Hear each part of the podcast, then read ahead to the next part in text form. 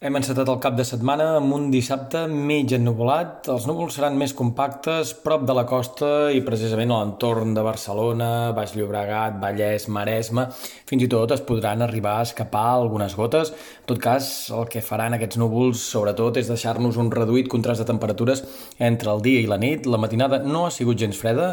Aquesta nit només ha glaçat a alta muntanya i en algunes valls del Pirineu, però al migdia també notarem que el mercuri queda més frenat i que la majoria de màximes es mouen entre els 10 i els 15 graus. Per demà el sol recupera protagonisme, l'ambient serà més fred que els últims dies i ara mateix, a curt i mig termini, no s'intueixen gaires canvis, sembla que es mantindrà el domini anticiclònic, potser de cara a divendres arribarien algunes precipitacions.